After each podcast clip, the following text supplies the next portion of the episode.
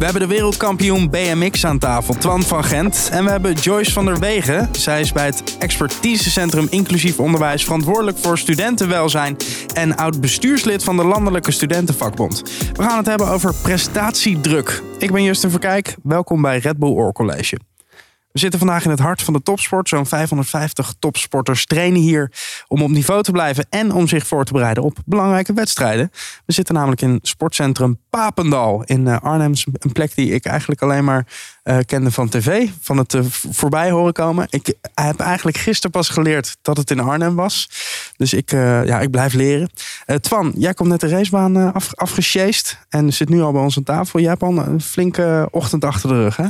Ja, ik heb al een uh, leuke ochtendsessie achter de rug inderdaad. En uh, ja, ik ben hier op de plek waar ik de laatste tien jaar ongeveer geleefd heb. Ja. Dat is een contrastje, hè? Ja, en maar slaap je hier dan ook?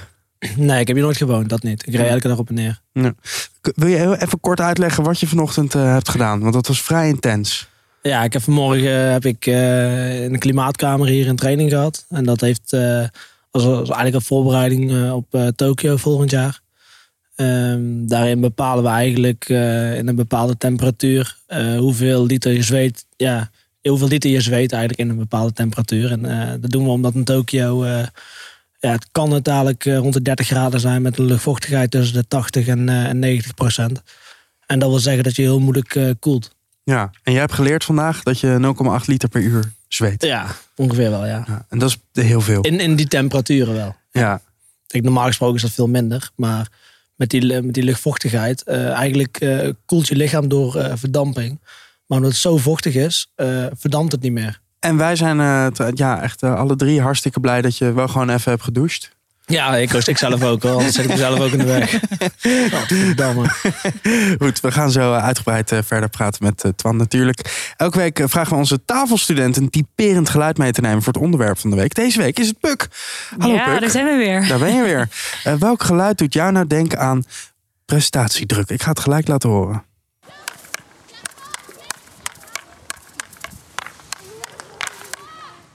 Is het kindervuurwerk? Precies, precies. Ja, dat is het eerste waar ik aan dacht toen ik dit geluid hoorde. Nee, hockey. Ik, uh, ik ben opgegroeid met hockey en uh, het is een klein hubbeltje gewoon op het veld gestaan en een beetje balletjes uh, overgeslagen. En toen eh, bleek ik na een tijdje een beetje talent te hebben tot op een zekere hoogte. Dus toen heb ik op de middelbare school de overstap gemaakt naar, de, naar Laren om daar op landelijk niveau te hockeyen. En toen ben ik geëindigd tijdens mijn studententijd op Scharweide dames heen met in de overgangsklasse. Oké. Dus toen, uh, toen jij zei uh, prestatiedruk, dacht ik, jeetje, ja, nou ja, daar, past hockey bij mij wel echt, uh, echt bij. Ja, want hoe, oh jee, ik zie ook dat je echt een super klein schattig hockeystickje hebt meegenomen. Ja, dit is mijn eerste hockeystick. Ja, mensen kunnen dit natuurlijk niet zien, podcast. Maar, Hij is 40 centimeter, denk ik. Ja, zoiets. En, met Bert en Ernie erop. Ja. Ik wilde per se een Bert en Ernie hockeystick. Wow. Dus ja, ik heb hem nog steeds. Ja, goed dat je die hebt bewaard. Ja. ja. En maar even over het, het, drukgedeelte dan bij, uh, bij hockey. Want kun je dat uitleggen? Hoe, hoe was die druk voor jou? Um, nou ja, om te beginnen, overigens klas is natuurlijk niet het hoogste niveau, maar um, ja, je kan wel een balletje slaan. Um, ja, je hebt toch wel, dan is het een krachttraining, dan heb je een looptraining en dan nog drie keer in de week gewoon normale trainingen en dan heb je op de zondag heb je de wedstrijd. En dat in combinatie met je studentenleven, je studie, je vrienden. Ja, dat is toch best wel het, het vergt best wel veel planning en uh, organisatie van je. En uh, soms moet je ook dingen, moet je nee tegen zeggen. Ja. Soms wordt het te veel en uh, dan moet je wel echt goed van tevoren dus daar rekening mee houden. En nogmaals, ik ben geen topsporter zoals Twan, maar uh, ja, je proeft wel een beetje van het niveau wat betreft druk, combineren. En ja, dat, dat af en toe vergt als een tol natuurlijk. Ja, maar nooit een ochtendje in een klimaatkamer gezeten. Nee, nee die, die, sla ik eigenlijk wel over. Uh, maar had je daar, heb je er last van gehad? Van, van de druk, zeg maar? Um, nou, ik moet wel zeggen, in mijn eerste jaar, toen kwam ik uh, aan in Utrecht. En toen um, was ik net begonnen bij Scharweide. En toen uh, ook het studentenleven begon toen helemaal voor mij. En toen was het wel eventjes heel erg alles op mijn weegschaal, balanceren. En ja, af en toe ook wel echt op mijn bek gaan. Hmm. Maar ja, ik heb wel gewoon, dat is wel fijn. Ik heb bij Scharweide gewoon een hele fijne begeleiding gehad. En um, ja, je praat er gewoon veel met elkaar over. En dat helpt wel echt. Ik had echt teamgenootjes die dit ook hadden gehad. Dus ik had, ja, met hockey is dat wel echt fijn met een teamsport. Dat je gewoon met elkaar het proces in gaat. En als het gewoon een keer niet gaat, dan kan ik gewoon tegen een teamgenoot zetten van, ik zit er echt even doorheen. Ja. Het zijn allemaal leeftijdsgenootjes. Dus dat is wel, uh, dat heeft mij wel geholpen. Maar ik heb echt een paar keer gehad dat ik had van, shit, ik heb het tentamen maandag ik moet zondag, uh, wat is het, uitwedstrijd spelen in de middle of nowhere. En dan uh, moet je nog de volgende dag tentamen. Ja, dat wordt het wel krap. En je maakt, ja, je maakt afspraken met je team. Dus dan, uh, ja. ja, soms. uiteindelijk ga je het dan allebei een beetje half doen. Ja. Schiet ook ja. niet op. Ja. Dus toen heb je een keuze gemaakt. En uiteindelijk is die keuze niet op hockey gevallen. Ja, uiteindelijk Was dat moeilijk? Ja, heel erg. Het is toch wel um, het pijn in mijn hart die keuze gemaakt. Maar ja, wat ik net ook al zei, je maakt afspraken met elkaar voordat je een uh, nieuw jaar ingaat.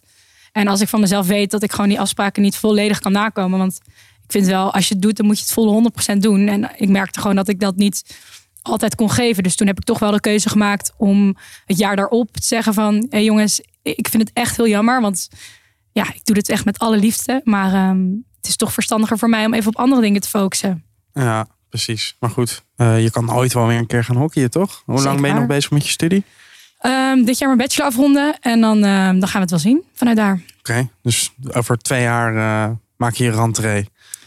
Wellicht. Klimaatkamers, Klimaatkamers, alles erop en eraan. Ik ga het proberen. Twan, jij hebt uh, natuurlijk wel gewoon een keuze gemaakt om je uh, volledig te richten op de topsport, hè?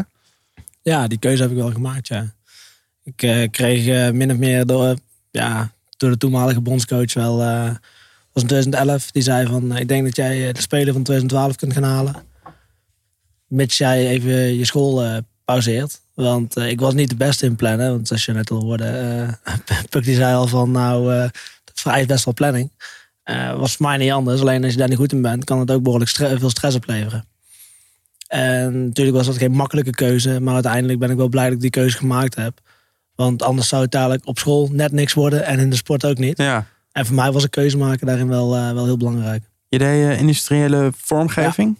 Ja. Hoe heb je het nog wel een beetje kunnen combineren? Of? Nee, je moet zo zien. Het eerste jaar, uh, ik zat in Nieuwegein op school. En ik trainde in Arnhem. En ik woonde in, uh, in. Mhm. Mm -hmm. Ja, uh, ik had geen rijbewijs, want ik was 17. Toen, toen kon je rijbewijs nog niet maar halen. Ik kon al best wel hard fietsen, toch? Ja, maar ook ik heb grenzen, zeg maar. En ik, ik had dus een, een, ja, een treinkaart waar ik mee heel Nederland door kon. En vervolgens sta je dan, zo, ja, om, om 7 uur sta je in de trein. En uh, je komt s'avonds om zeven uur thuis. En dan moet je nog beginnen aan je schoolwerk. En dan ben je alleen nog maar op Papendal geweest die dag. Maar ik had ook dagen dat ik nog een toets moet maken in Nieuwegein. En dan vervolgens naar Papendal moest om een middagtraining te doen. En daarna weer naar huis. Ah. En ik moest dan mijn fiets dus meenemen naar school in de trein. Want ik kwam niet meer langs huis. Uh, dat was, was een behoorlijk omslachtig uh, gebeuren in die periode. En sociaal leven kende ik echt niet meer. Nee. Nee, en daar, daarna heb ik wel gezegd tegen mezelf... oké, okay, ik ga een keuze maken. En uh, ja, uiteindelijk uh, sta je dan ook wel uh, op de Olympische Spelen een jaar later. En een jaar later? Ja, is, ja, is, het, is het, ja, dat is heel snel gegaan toen. En is het de keuze wel waard geweest. maar er zijn ook heel veel gevallen die die keuze maken. En het dan ja, niet een jaar later staan. Ja. En in dat geval, kijk, een school... Je kunt altijd weer terug naar school. Ja. En met sport krijg je de kans misschien maar één keer. En daardoor heb ik toen wel de afweging gemaakt van... oké, okay, dan ga ik er nu ook voor de volle, volle 100% voor. Besefte je toen, toen je op de Spelen stond van... shit, een jaar geleden stond ik gewoon om 7 uur s ochtends uh, in de trein. Van oh, naar her. En, uh... Daar was ik op dat moment helemaal niet mee bezig. nee. wat, voor, wat voor student was je? Ik was wel eentje van de last minute. Ik zei al, de planningen en zo, als ik ook met typeringen kijk. We hebben tegenwoordig ook uh, ja, met een sport, sportpsycholoog zijn we bezig. En in ieder geval al jaren. Maar daarin kun je ook ja, je typering een beetje voor je halen. Dus dan kun je ook heel makkelijk jezelf de spiegel voorhouden. En ik was wel iemand die, die wel wat druk nodig had om dingen af te krijgen. Prestatiedruk. Ja, precies. Ja. hey, en je, hebt, je was ook met andere dingen bezig tijdens je studie. Want een revolutionaire crank ontworpen. Dat is het, het, stokje waar de trappers aan vastzitten. Ja, daar zit, dat, dat, dat, is eigenlijk na mijn studie gekomen. Maar dezelfde interesse die ik altijd natuurlijk wel heb gehad. En anders deed ik ook niet de industriële vormgeving. Um, ik ben altijd wel op zoek naar een manier om dingen te verbeteren. En te kijken hoe kan, hoe kan ik sneller fietsen eigenlijk. En ja, ik, ik train al jaren heel hard. Maar die fiets die is eigenlijk nog op sommige gebieden wel onderontwikkeld. En daarin ben ik ook al aan het kijken van wat zou er kunnen. En inderdaad, ik ben daar inderdaad mee bezig geweest. Alleen ik was toen, dat was begin 2018. En toen was het een beetje heel veel. Dus ik wist het van team. En ook die dingen deed ik op de achtergrond. En toen gingen mijn resultaten wel een beetje achteruit. Omdat ik gewoon niet aan mijn rust kwam. ook een valkuil van mijn persoonlijkheid. Hmm. Eh, ik vind het heel leuk om dingen aan te pakken en ik heb heel veel ideeën. En soms kan het iets te veel worden. Dus ik heb op een paar dingen gewoon eventjes de rem gezet, ook daarop. Om vervolgens wel eh, op, op, op mezelf weer op prestaties te gaan richten. Want anders eh, had ik hier nu niet meer gezeten. Nee. Je bent regerend wereldkampioen. Ja, Hoe voelt dat? heel goed eigenlijk. Ja, eh, de- de- niks anders kan ik daarvan zeggen. Je bent als je kleine jongetje van vier jaar ben je begonnen met fietsen. En met de droom eh, misschien ooit professioneel te kunnen gaan fietsen en aan de wereld rond te reizen. En vervolgens heb je die droom kunnen verwezenlijken. Maar doe je dit ook nog momenteel in de, in de regenboogtrui. En dat is zeg maar, ja, naast de Olympische Spelen is dat wel het hoogst haalbaar in onze sport. En je zegt het was een droom, eh, of, of je was aan het dromen. Eh, maar lag het ook in de lijn eh, van je eigen verwachting? Dat je, dat je zoiets zou kunnen winnen? Ja, eigenlijk al jaren. En ik heb er heel lang op moeten wachten. En dat is wel de frustratie die bij mij steeds hoger wordt. En er is een last van mijn schouders af op dit moment. Dat het me toch een keer gelukt is. Als het me niet was gelukt, dan denk ik dat ik altijd nog wel... Ja, stel ik was ooit gestopt met BMX'en en het was me niet gelukt, dan zou het wel aan me, aan me blijven knagen. Ja. Zit je er dan nu anders in? Kan je, kan je vrijer Ja, doen wat je wil doen? moet ik, ik- er is bij mezelf. eh, ik ben nooit zozeer eh, wat anderen van mij verwachten. Meer wat ik van, van mezelf verwacht. En dat is veel hoger dan wat anderen van mij verwachten. Ja. Ja, en dat is eh, soms heel moeilijk. Dus heel vaak verlies je van jezelf en niet van anderen. Waar komt het vandaan, die drang? Om de Eh, beste te zijn? Ja, kind af aan eigenlijk. Dan, eh, als ik dan een wedstrijd won, dan moest het ook niet alleen winnen. Maar dan moest de voorsprong ook nog zo groot zijn. En moest ik nog een bepaald beeld gesprongen hebben. En dan moest het er ook nog eens mooi uitzien. Hmm. Ja. Perfectionistisch ergens wel. Ja. Puk, had jij dat ook met hockey? Dat je de, de beste wilde zijn? Nou, niet per se de beste, want nogmaals, het is een teamsport. Dus als we met z'n allen winnen en ik speel minder, dan is het ook oké. Maar ik ben wel heel kritisch, dat herken ik wel. Ook als we hadden gewonnen, dan was het wel van oké, maar deze paas had ik niet goed gegeven of dit kan beter. En je, ja, maar dat, ik denk dat dat ook wel logisch is, dat je jezelf wil, constant wil blijven verbeteren. Ja. Ja, ik heb het dus precies andersom. Hè. Ik deed voetbal en eh, wij, ik verloor met 4-0. Maar ik had mijn directe tegenstander vier keer door zijn benen gespeeld. Had ik gewoon gewonnen met 4-0. Weet je? Knap, dat is ook een denken. Ja, Ja. Dat vind ik oprecht. Eh, Ik had mijn wedstrijd gewonnen. Ja. Weet je? Ja. Ja, dit is een hele andere manier van, van de wedstrijd interpreteren. Op die manier zou ik nooit zelf een wedstrijd kunnen Het is ook een hele slechte instelling Nou ja, weet ik niet. Als je zelf van jezelf weet, eh, je kunt wel continu wel willen dat je de beste bent. Maar uiteindelijk heb je er ook een beetje talent en een beetje mazzel voor nodig dat je dat even überhaupt kan. Maar als je op die manier wel plezier hebt in sport, ondanks je verliest, dan denk ik dat je uiteindelijk wel een winnaar bent. Hm. Op welke momenten ervaar jij prestatiedruk? Dat is een heel goed voorbeeld van afgelopen jaar. Eh, ik ben begin van het jaar eh, heftig ble- geblesseerd geraakt. Ik heb een eh, blijvende mobiliteitsbeperking in mijn rechterpols gehouden. En eh daar heb ik zeker een paar maanden aan herstel eh, eh, zijn er na, eh, ja, nagekomen, zeg maar. Eh, alle wedstrijden zijn weggevallen. En eh, we moesten hier in de NK rijden. En ja goed, voor het eerst was er ook echt live televisie en eh, NOS en dergelijke. En eh, iedereen had voor mij de wedstrijd alleen gevuld. En dat vond ik wel heel vervelend. Dat jij wel even zou winnen. Ja, dat ik hem wel even zou winnen, want ik was de rege- regerend wereldkampioen. En kijk, die jongen, het niveau in Nederland is gewoon hoog. En ehm, de jongen die hem uiteindelijk gewonnen heeft, dat is de nummer drie van Europa. En ik was vorig jaar de nummer twee van Europa. Dus. Ja, dat is echt wel. eh, het niveau is gewoon hoog. En dat je dan eh, niet wint. eh, kijk, al, al- ik kon eigenlijk niet winnen die, die dag. Ik kon alleen maar aan de verwachte eis voldoen. Ja. En als ik tweede werd, dan had ik al verloren. En dat vond ik wel een heel vervelend uitgangspunt. En daarnaast, eh, doordat er helemaal geen wedstrijden waren, de spelers zijn een jaar opgeschoven, toch wel iets wat eh, nonchalant die wedstrijd ingegaan. Waardoor het uiteindelijk eh, ja, allemaal tegenkomt uiteindelijk. En eh, dat is wel een heel mooi, mooi voorbeeld van eh, hoe het ook mis kan gaan. ja. Maar gek dat jij jezelf wel die druk oplegt, maar er blijkbaar dus niet echt mee om kan gaan als anderen jou die druk eh, opleggen. Nee, dat is, dat is, dat is iets nieuws. Kijk, natuurlijk, ik heb me jarenlang mezelf die druk opgelegd. Daar ben je Mhm. aan gewend. En daar heb je ja, wel methodes voor, voor jezelf door de jaren heen, om daarmee om te gaan. Maar ik was hier ook niet echt op voorbereid. Ja. En eh, ja, en ik ging er misschien ook wel iets te, te, te luchtig in van, ah, goed, eh, deze tikken we even af en dan eh, gaan we weer verder. Ja. Nou ja, ik, eh, ik werd inderdaad even afgetikt. Ja. Ja. Hoe ga je om met extreme druk voor een belangrijke wedstrijd? ja, ehm, mijn- mijn coach en, en ik lopen daar een traject voor bij Rico Schuijers, een sportpsycholoog in Nederland. En ehm, ja, mijn- we hebben samen ook sessies gehad. Dus wanneer ik bepaalde symptomen eh, vertoon, eigenlijk, dan weet mijn coach hoe die daarop moet reageren en op in moet spelen. En wat zijn die eh, symptomen dan? Nou, als ik eh, bijvoorbeeld tijdens een wedstrijd heel stil word, dan is het niet goed. Oké. Nou, ik moet een beetje van me af kunnen blijven praten. En eigenlijk over niks wat met de wedstrijd te maken heeft. Dat ik gewoon lekker ontspannen ben. Dan ben ik op mijn best.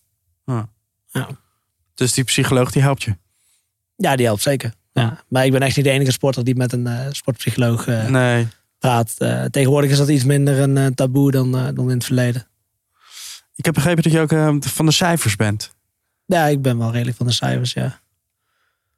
Hoe, hoe, hoe bereid je dan voor? Wat, wat, wat, doe je dan? Hoe, hoe gaat dat? Nou ja, in directe voorbereiding, je weet wat je waarden zijn.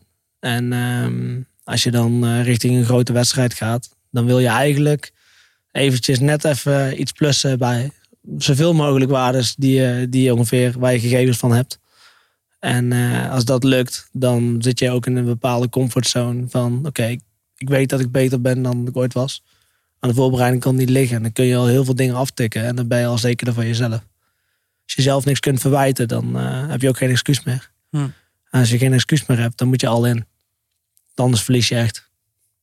Deed jij dat ook, Puk? Met je, met je hockeyteam? Cijfers? en, eh, en analyseren misschien? Ja, nou, we hebben wel van die testen gehad. En dan moest je allemaal testen doen. En begin, zeg maar om de zoveel periode. En dan met de looptraining hadden we dan wel. En de kracht ook. Dat zijn wel echt meetmomenten. Maar ja, nee, ja, verder was het gewoon... We hebben ons was echt afspraken maken. Dus ja, joh, dit is jouw taak. Daar hou je je gewoon aan en daar focus je op. En als je dat, die afspraken nakomt, dan moet het gewoon met z'n allen lukken. Dus, maar nee, ja, wij hadden niet echt... Niet per se dat je... Ja, natuurlijk nogmaals... Hmm. Geen topsport wat ik heb gedaan, maar ja. Geen het was meer, topsport dan wat ik heb gedaan. In ieder Ja, geval. dat, dat is misschien wel waar. Ja, Het lijkt me ook wel heel moeilijk om in een team te moeten sporten. Dat zou, Ja? zou echt heel slecht zijn. Hoezo lijkt je dat dan moeilijk? Nou ja, goed, als iemand anders het verpest, nou, ik zou daar echt niet tegen kunnen. Kijk, als ik het zelf verpest, kan ik mezelf de schuld geven. Maar niemand anders. Ja, En dan heb ik zelf gefaald. Maar heb ik zelf de beste wedstrijd van mijn leven gespeeld.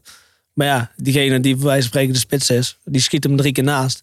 En ik heb hem echt de meest geweldige voorzet gegeven. Kan het aan mij niet liggen, maar toch hebben we 3-0 verloren. Ja, daar zou ik echt heel slecht tegen kunnen. Ja. Je hebt het zelfs niet meer in de hand. En ik merk wel dat ik zelf dingen wel graag in de hand heb. En dat vind ik wel heel knap van teamsporten. Dat je dat met toch als groep samen. Ja, dat je toch een bepaalde drive kunt vinden. Waardoor je dus met z'n allen kunt excelleren. En niet alleen. Ja, en elkaar helpen. Ja, elkaar ook helpen, ja. Dat is ook een hele andere setting van trainen eigenlijk. Wij trainen wel samen, maar in- uiteindelijk zijn we ook elkaars concurrenten. Ja. En dus je helpt elkaar wel Tot op een zekere tot op een zekere Ja, hoogte, ja, inderdaad. ja. Ja. Krijg niet alles prijs. Ja. Ze weten al veel te veel. Ze lopen al veel te hard zeg maar zo aan het helpen en tegelijkertijd zijn band eh, leeg aan het laten lopen. Nee, nee, nee. Je bent hem wel aan het helpen, maar je wilt hem toch nog wel tegelijkertijd eventjes een mentale tik uitdelen van ja, je wordt beter. Maar hier moet je nog naartoe. Ja. En dat is eigenlijk continu al wat je, wa- wat je probeert te doen. eh, ergens. En aan de andere kant vind je het ook mooi als die jongens wel gewoon eh keihard fietsen. Is er wel eens een moment geweest voor jou dat het, dat het te veel werd? Ja, begin, eh, begin 2018. Toen stond de stoppen mij naderbij dan doorgaan. En waarom was dat? Nou, ik deed er alles voor. Alleen de resultaten bleven gewoon echt ver uit. En ik- ja, ik reed, ik reed gewoon echt niet op het niveau waar ik jarenlang op had gereden. En eh, kijk, normaal gesproken, als je, noem, noem een voorbeeld van een auto. Je rijdt de hele tijd eh, een mooie Mercedes en je moet terug naar een Dacia. Dat is even een bittere pil slikken. Eh, maar ja, goed, je, je kunt jezelf wel weer opwerken om weer terug in die Mercedes te komen zetten. Maar vervolgens, als je er alles aan doet, terwijl je weet van, nou, met deze waarden hoor ik eigenlijk daar te zitten. En ik blijf nog in die Dacia zitten. Dat is helemaal kut. Ja, Ja. Je hebt ook eh, wat tegenslagen gehad. Eh, je relatie liep stuk, je verloor 8 kilo, eh, de dubbele enkelbreuk.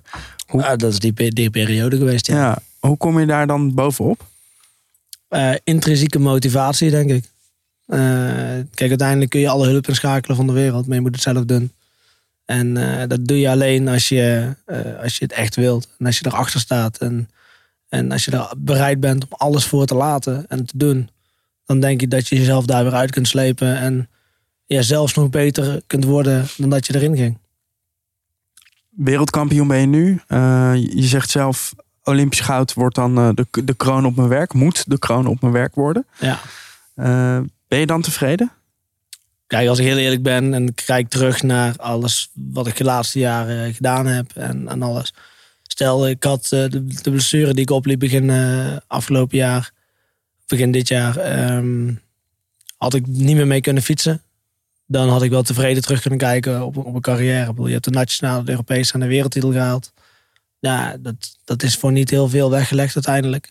Maar ben je, is het mislukt als je geen uh, Olympisch goud pakt? Nou, is nog steeds een hele mooie taart, alleen de kerst is eraf gevallen. Ja, ja. laten we het daarop houden. ben je een goede of slechte verliezer? Ik, uh, ik kan me als het verlies, uh, als ik zelf tekort heb gedaan, zeg maar. ik heb een goede wedstrijd gereden en een ander was beter. Dan ben ik denk ik een hele goede verliezer.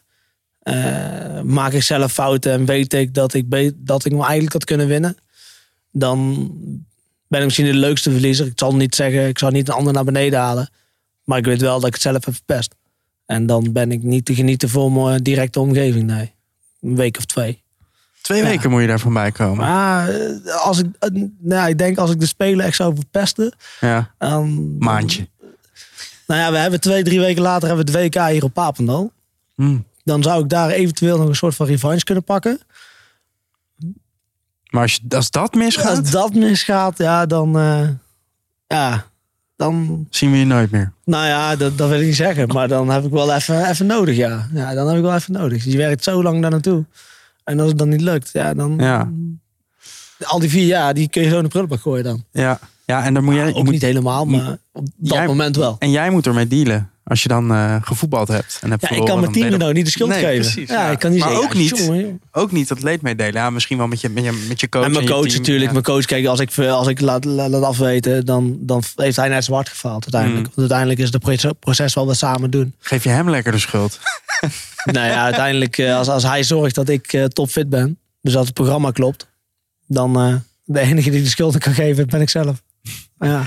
We zitten hier op Papendal. hier doe je je trainingen, maar je hebt thuis ook gewoon de Olympische uh, baan laten nabouwen in je achtertuin? Ik ben inderdaad heel veel te vinden in Amazon op het moment. En dat is uh, ja, spreekwoordelijk mijn achtertuin. Kijk, in onze, in onze sport moet je altijd uh, behoorlijk wat rijden. Wil je wat kilometers afrijden in de auto, wil je bij de baan komen. Dus we hebben twee supercrossheuvels hadden we in Nederland. En dat is eentje hier en eentje in Kampen. En als je dan bij een bos woont, dan is het of drie kwartier of anderhalf uur rijden voordat je ergens bent. Dus als ik dan 10 minuten kan rijden om naar mijn uh, te gaan, zeg maar, dan noem ik dat spreekwoordelijk mijn achtertuin. En het ligt op hetzelfde stuk grond als waar ik om mijn vierde ben begonnen met fietsen. Dus er zijn twee dingen samengekomen en dat is wel heel bijzonder. Als ik op de stadheuvel sta, dan zie ik ook de, de baan waar het voor mij allemaal begonnen is. Dan zie ik mezelf nog uh, als klein kindje van drie langs het, dranghek, uh, langs het hek staan van de baan. Van mama, ik wil ook fietsen. En dat is wel heel bijzonder dat die twee dingen samenkomen op de voorbereiding van de grootste wedstrijd uit je carrière. En daar dus bezig met trainen voor uh, de wedstrijd van je leven, Ja. zei je net. Uh, die wedstrijd van je leven, uh, die wordt in Tokio gereden. En Ja. die werd even gecanceld dit jaar. Hoe, uh, hoe ging dat in jouw hoofd? Was dat een knak? Ja, natuurlijk is dat even eh, een, een klap die je moet verwerken eh, aan de ene kant. Aan de andere kant eh, is dat ook weer het voordeel van mijn persoonlijkheid. Omdat je alles op het laatste moment doet en zo. En heel makkelijk met veranderingen omgaat. Dus, dus dat je eigenlijk kijkt van oké, dit is nu het verhaal. Hoe kunnen we het in het, vo- in het voordeel eh, gebruiken? Eh, vandaar dat het eerste stuk eh, van Tokio ook nagebouwd is in Amazone. Hm. Ik ga gewoon kijken hoe ik dit jaar maximaal kan gebruiken. Om volgend jaar nog harder te kunnen fietsen dan dit jaar had gekund. En je mag die regenboogtrui nog even aanhouden. En ik mag die regenboogtrui nog even aanhouden. Al had ik hem liever gewoon dit jaar gewoon verdedigd. Net zoals eh, elke andere Ah, het is toch sporter. Hè? Hij zit lekker toch, dat ding, of niet? Hij zit lekker. Alleen het is jammer dat je er maar vijf wedstrijden in hebt kunnen fietsen tot nu toe. Ja, Ja, dat is wel echt jammer. ja. Daar zit hij te lekker voor eigenlijk. Daar zit hij te lekker fietsen. Maar ja, je gaat wel als regerend wereldkampioen naar de Spelen volgend jaar. Want het WK is na de Spelen. Ja. Dus ja, dat is dan Kijk, die, nou, die, nou dan, heb je- dan heb je dus, zit je weer met hetzelfde verhaal. Dat mensen zeggen, ah, kijk, daar komt de wereldkampioen.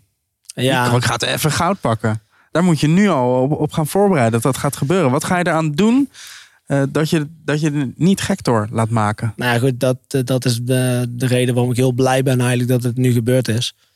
Eh, ik weet dat dat me te wachten staat. En ik kan er ook op anticiperen van wat het nu met me deed.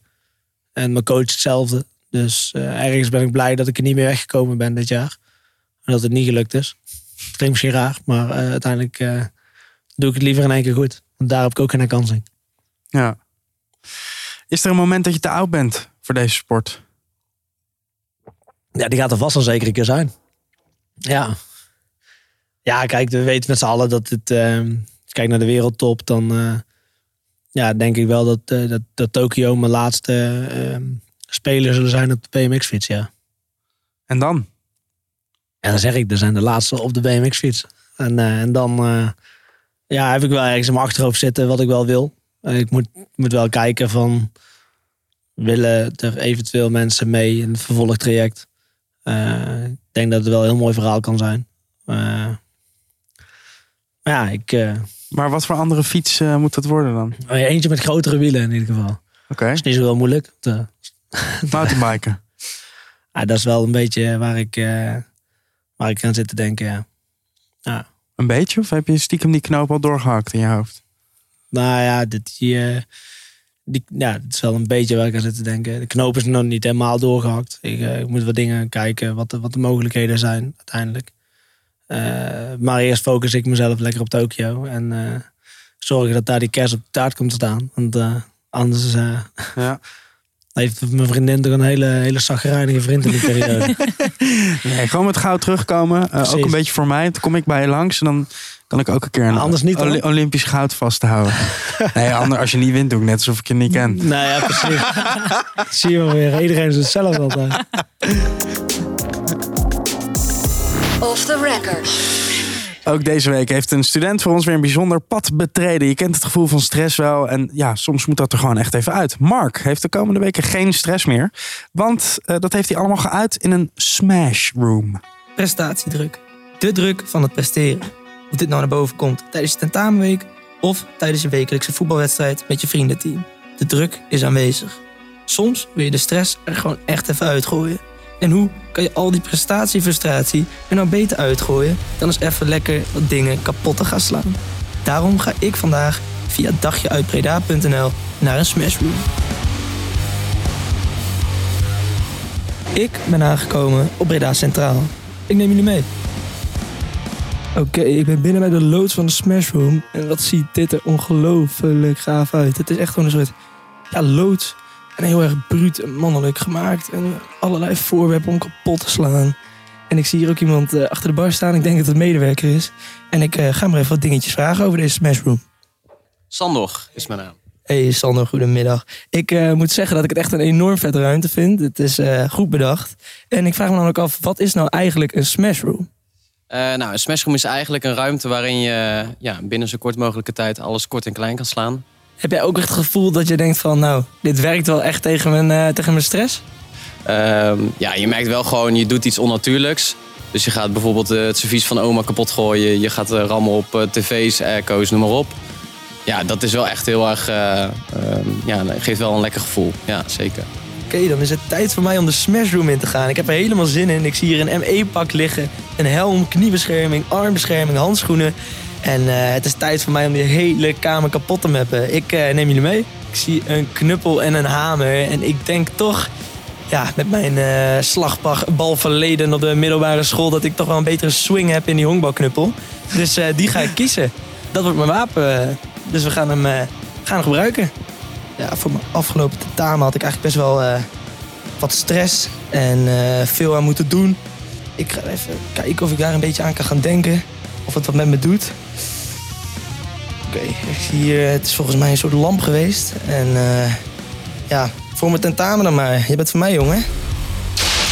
Oh, Oké. Shit. Oké, dan ophypende muziek. Verwarming staat klaar. Alle stress komt naar boven. Hoppakee. En we klappen er nog een keer bovenop. Hoppakee. De tv nog even pakken. Huts. Bam. Zweten, hè, maar dat maakt niet uit. Deze shit is van mij. nou, ik kom net uit de smashroom en ik zweet nog een beetje na mij. Jeetje, wat een ervaring. Letterlijk alles kort en klein geslagen. En als jullie nou die prestatiedruk en stress ook ervaren, krop het dan alsjeblieft niet op, maar gooi het er lekker uit. Ga wandelen of ga sporten. Maar wat ik je nou vandaag zeker aan zou raden, pak wat oude spullen uit je kamer en sla het lekker kapot. Want het zal hoe dan ook je hoofd een stuk leger maken.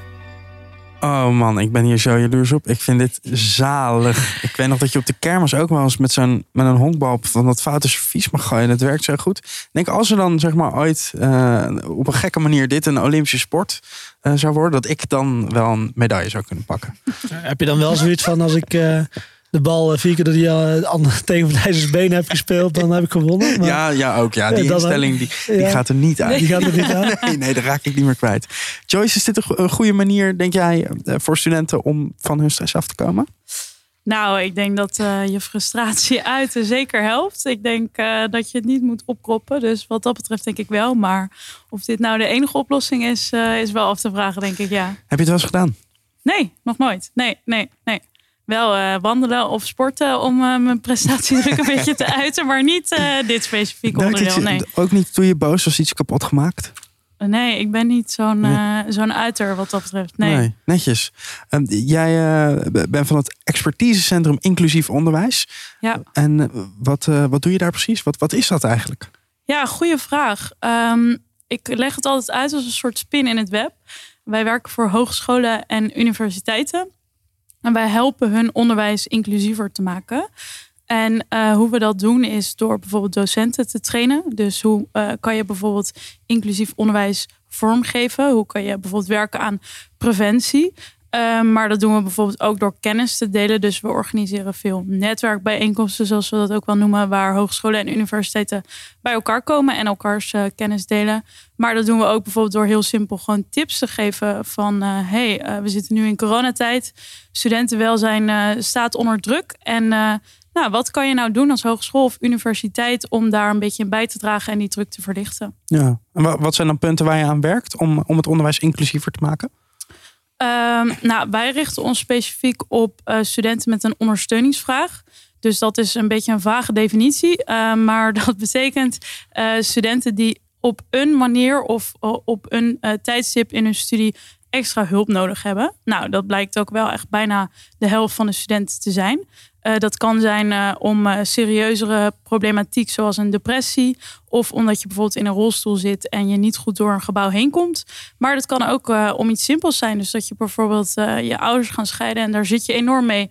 En daardoor hebben, loop je wat studievertraging op. Of je zit even niet zo lekker in je vel. En daardoor wil je een keer gaan spreken met een studentpsycholoog. Hmm. Hoe groot is het probleem van prestatiedruk onder studenten? Ja, als je het mij vraagt, groot. Eh, er zijn heel veel onderzoeken gedaan en er komen best wel wat verschillende cijfers uit voort. Maar bijvoorbeeld eh, Jolien eh, Dopmeijer, onderzoekster op studentenwelzijn, ook wel een toonaangevende naam. Die heeft bijvoorbeeld onderzocht dat 70% van de studenten wel eens prestatiedruk ervaart. En dat vind ik toch wel echt een behoorlijk aantal. Ja, Ja, is veel. Maar goed, je zit er ook om iets te leren, om iets te presteren. Dus dan zou je, de, als je naar een topsporter kijkt, die zegt, ja, dat is, dat is goed. Een beetje prestatiedruk, toch? Ja, ik, ik denk uiteindelijk, eh, als je geleerd hebt voor een toets en je hebt geleerd voor een 10, dan wil je hem ook halen. Ja. ja. Dan heb je geleerd voor een 5,5, dan wil je, wil je voldoende halen. Ja. Zeker. Ja, maar moet ik wel op inhaken, want dat zijn normale omstandigheden. En nu met corona kan ik me wel voorstellen dat een paar zitten van ja, oké, ik wil voor die tien leren, maar de middelen, de omgeving, het zijn best wel weer externe factoren.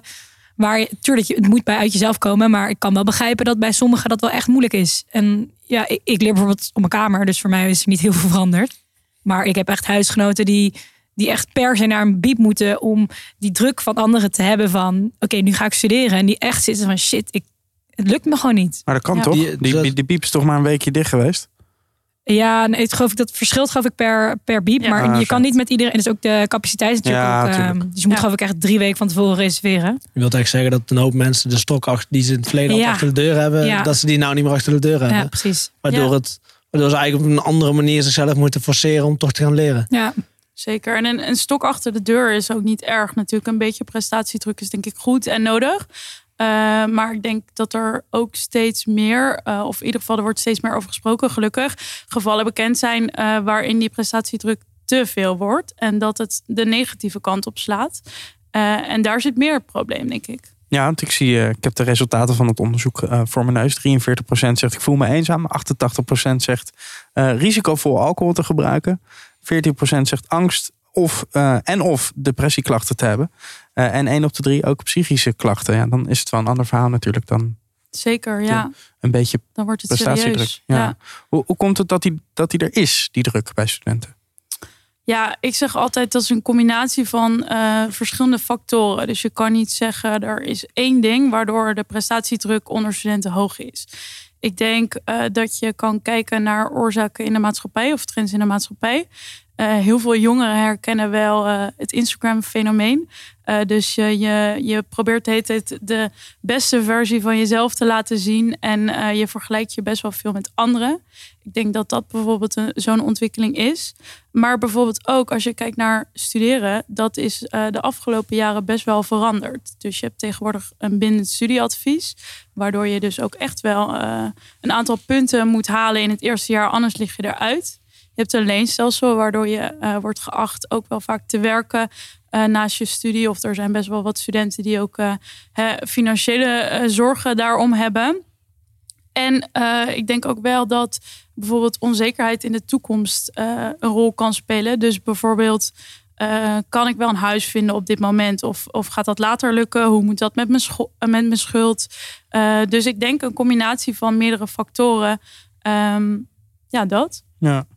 Ja, ook, er wordt nu ook over gesproken. In ieder geval over dat bindend studieadvies. Hè? Want dat is nu, als je nu voor eerstejaars bent en nog nooit eh, de universiteit van binnen hebt gezien eigenlijk. Ja. En zou het zomaar kunnen zijn dat je, dat je dit jaar die punten niet haalt en eigenlijk er nooit bent geweest. Ja, klopt. Ja, er is nu in coronatijd in eh, meerdere gevallen wordt er, wordt er wel versoepeld. Dus eh, gaan ze daar wel wat coulanter mee om.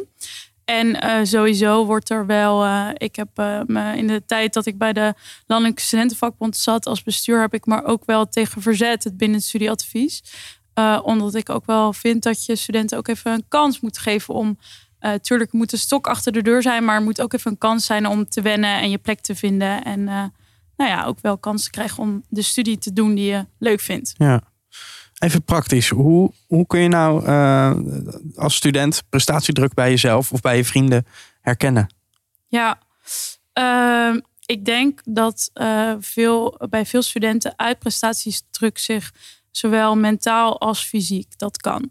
Eh, dat kan natuurlijk eh, wat serieuzer zijn, dus dat je slaapproblemen ervaart of dat je misschien fysieke klachten krijgt, zoals eh, hoofdpijn.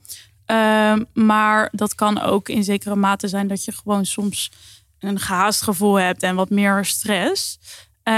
En ehm, nou, wat denk ik ook wel veel jongeren zullen herkennen, is dat het ook voortkomt in gesprekken die je zelf hebt of met vrienden.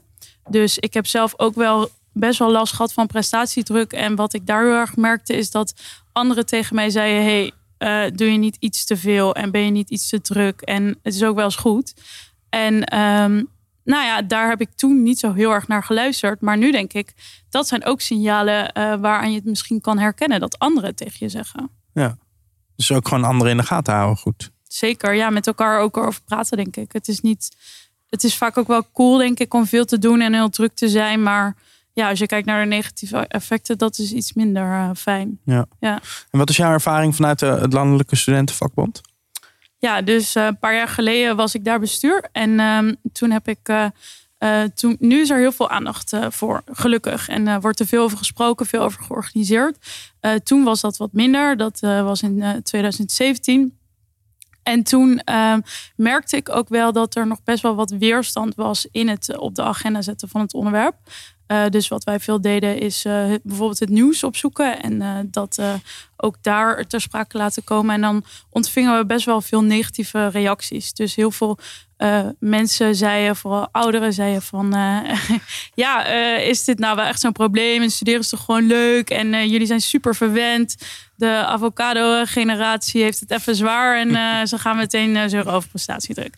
Dus ik merkte daar heel erg dat dat stigma wel echt rondom studenten speelt. En dat het daarmee soms ook best wel moeilijk is om prestatiedruk aan te kaarten eh, in dat stigma. Ja, mensen zeggen gewoon, je moet je niet zo aanstellen. Ja, ja, ze zijn een beetje verwend misschien. En wat, wat kreeg je toen mee van die studenten? Ja, ik hoorde best wel veel eh, verhalen. En de, de ene is wat erger dan de andere. Maar ik, ik eh, leerde wel studenten kennen die bijvoorbeeld al anderhalf jaar niet meer hadden gestudeerd doordat ze in een burn-out zaten. Of eh, studenten die eh, ja, soms ook wat minder serieus zijn. Dus soms ook eh, dat je misschien even met je scriptie moet stoppen. Omdat je bijvoorbeeld last hebt van je arm en RSI. Dat komt bijvoorbeeld veel voor. Dus wel echt ook veel fysieke klachten viel me op. Burnout tijdens de studie had ik eigenlijk nog niet eerder gehoord. Nee, komt toch wel voor. Ja, Ja. zeker. Ja. Heftig. En hoe, hoe ging je zelf dan met prestatiedruk om als student? Ja, nou, ik ben wel echt. Ik eh, herkende best wel veel elementen in het verhaal van Twan. Niet zozeer eh, uit sport, want ik ben eh, helemaal niet sportief, maar wel in mijn studie. Dus ik ben echt iemand die ook. waar anderen zeggen het is goed, vond ik dat niet goed genoeg in elementen van studie. Dus dat was ook echt zo iemand die altijd per se hoge cijfers wilde halen en zo.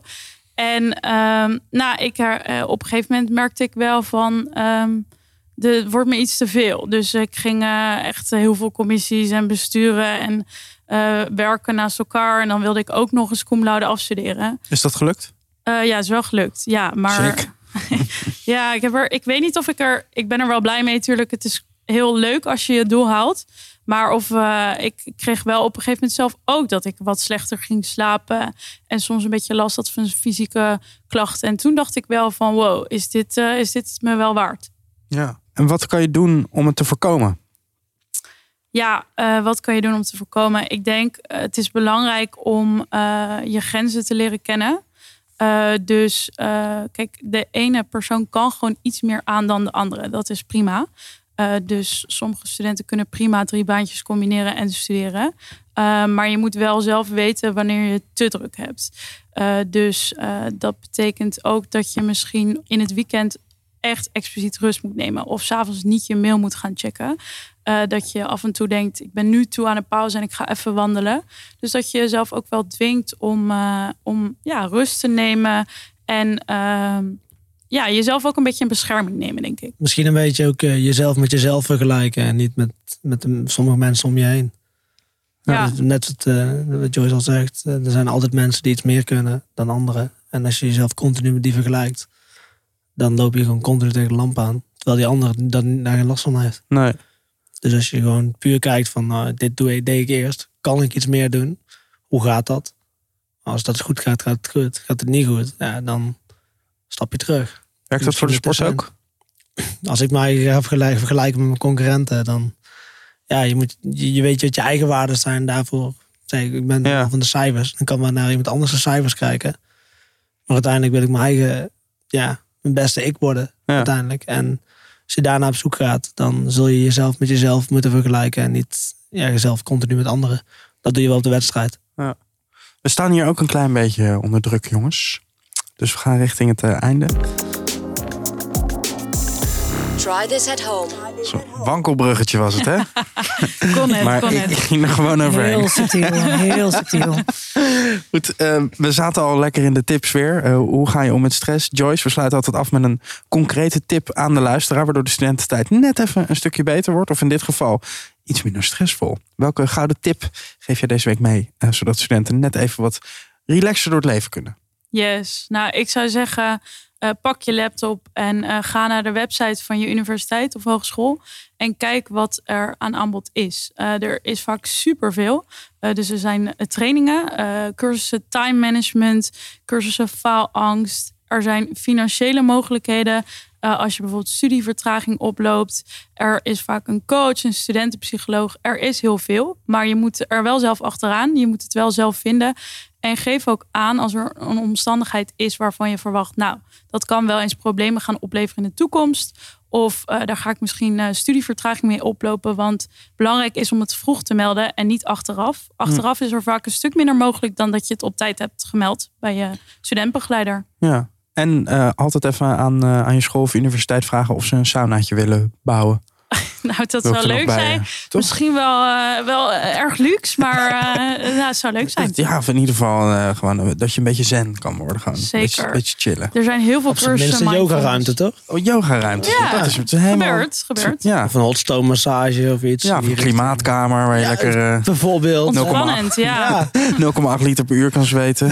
Oh, zin in. Of een beetje het klimaat van Curaçao nabootsen. En dan met je boeken in de hand. En toch een beetje, hè, Cocktailtje erbij. toch een beetje die stok achter de deur om te gaan studeren, zou ik zeggen. Kan ik nu met een cocktail in die klimaatkamer van jou gaan zitten? Dat zou kunnen. Je mist alleen het zonnetje. Ja, Wat nou, blijven we dicht bij het onderwerp. Er echt te luisteren van, oké, zit sauna op mijn universiteit, cocktailtje. Ja, nou, dat is nou, wegdruk, prima. Ik zit Goed hier met idee. allemaal Verschillende, eh, typeringen van personen. Hè? Dat, eh, als je dat Ja. die derde keer doet, dan kun je zo zien. Bij de ene, eh, het ene type die gaat met een theezakje het theezakje omschrijven. En de andere zit in, eh, in ergens in Brazilië waar hij een hele lekkere vakantie heeft gehad. En waar een bepaalde thee vandaan komt. Ja, precies. Dat is wel eh, dat is Ja. een grappig, grappig gegeven. Die laatste ben ik. Daar had ik, zo'n vermoeden had ik al. Dat probeer ik. Goed, even een resume. Niet wachten. Check welke dingen je van je opleiding gratis kan krijgen om de prestatiedruk die je voelt een beetje te managen. Als je ermee aan de slag gaat, laat ons dat dan weten en deel het vooral via de hashtag Red Bull or College. Twan, Joyce, Puk, ik vond het eh, heerlijk om met jullie aan tafel te zitten. Ehm, dit was hem. Bedankt voor het luisteren. Volgende week zijn we er weer met een nieuwe Red Bull Oor College. Zelfde kanaal, maar ook in alle andere podcastkanalen. En vind je deze podcast leuk? Geef ons dan 5 sterren in Apple Podcast en schrijf een leuke review. Dank daarvoor alvast. Bye.